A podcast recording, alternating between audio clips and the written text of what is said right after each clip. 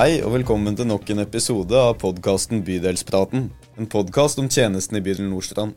Jeg heter Kristoffer og jobber med folkehelse, og har med meg Camilla fra Flyktningsenteret i dagens eh, episode. Velkommen hit. Takk skal du ha. Ja, Camilla, kan ikke du begynne med å fortelle litt om Flyktningsenteret, for du er daglig leder der.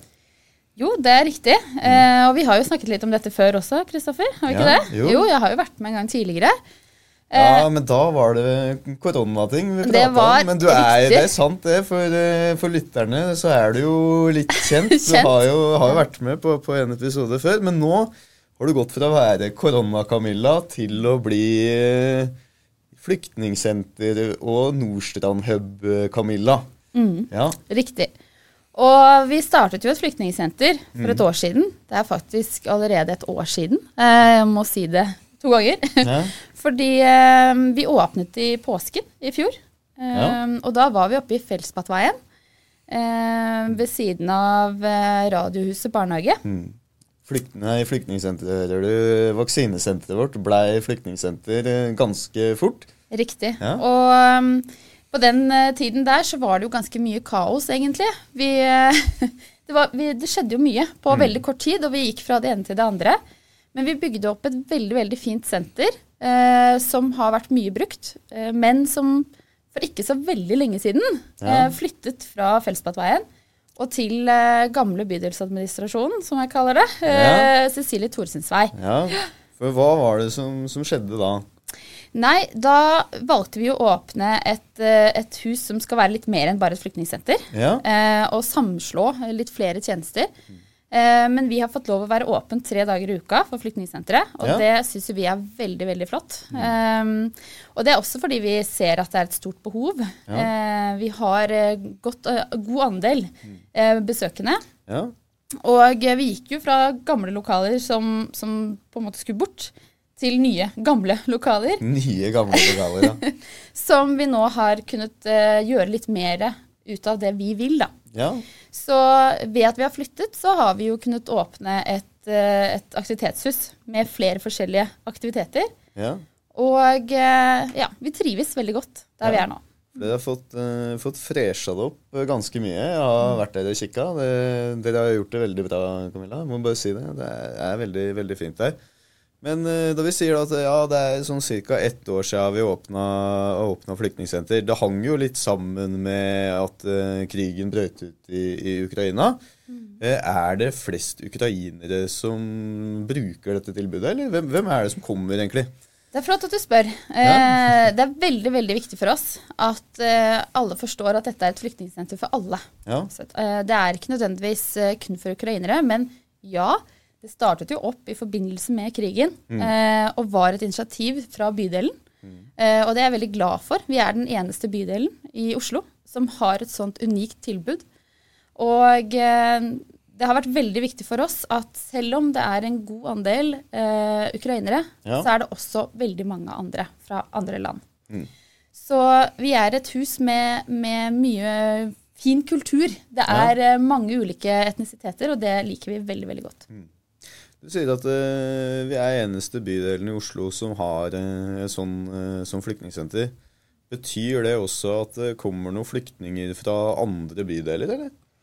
Vi har hatt noen besøk, Ja. og vi får jo til stadighet høre fra våre besøkende at de møter andre fra andre bydeler som gjerne skulle hatt det samme tilbudet.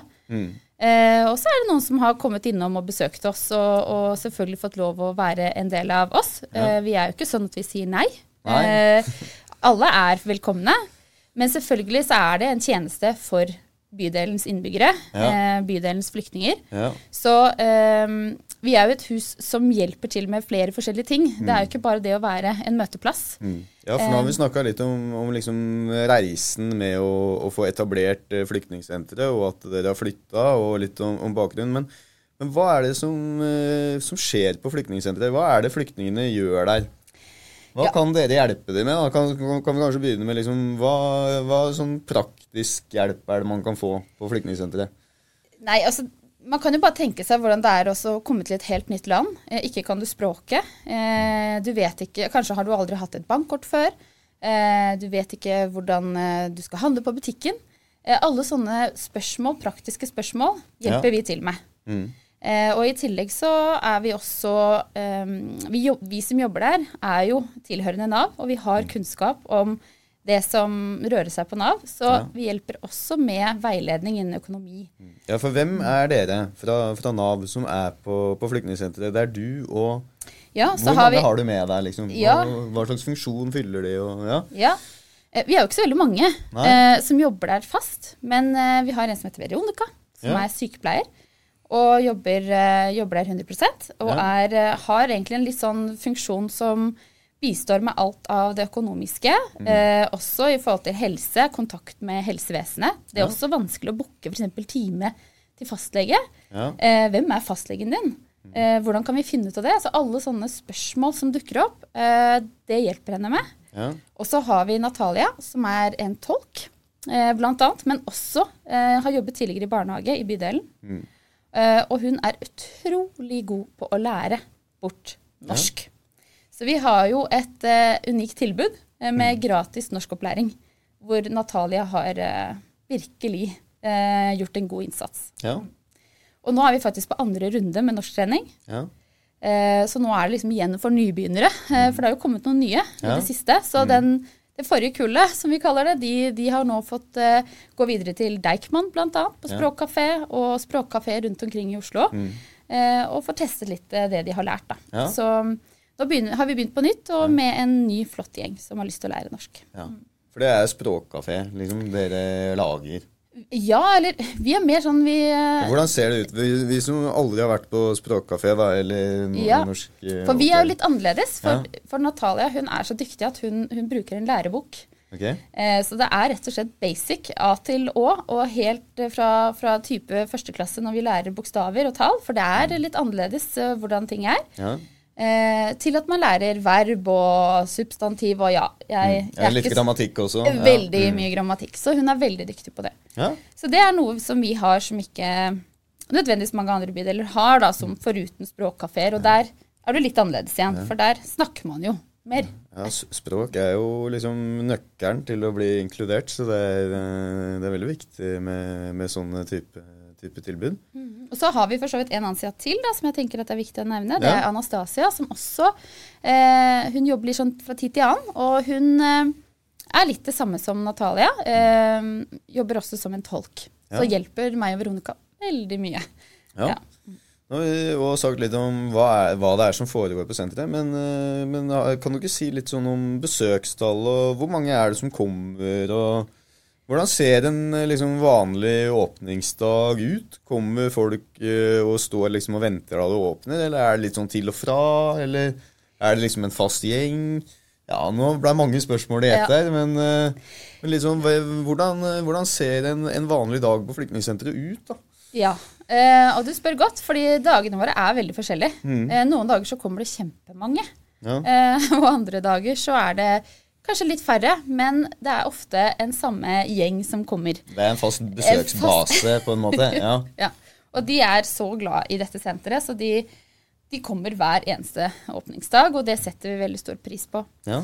Eh, men vi har jo også, eh, ettersom at vi er en del av Nav også, Ja. så bruker jo veilederne på Nav som jobber med flyktninger, de bruker også senteret som en, en plattform ja. eh, til å ha samtaler og dialog med, med flyktningene.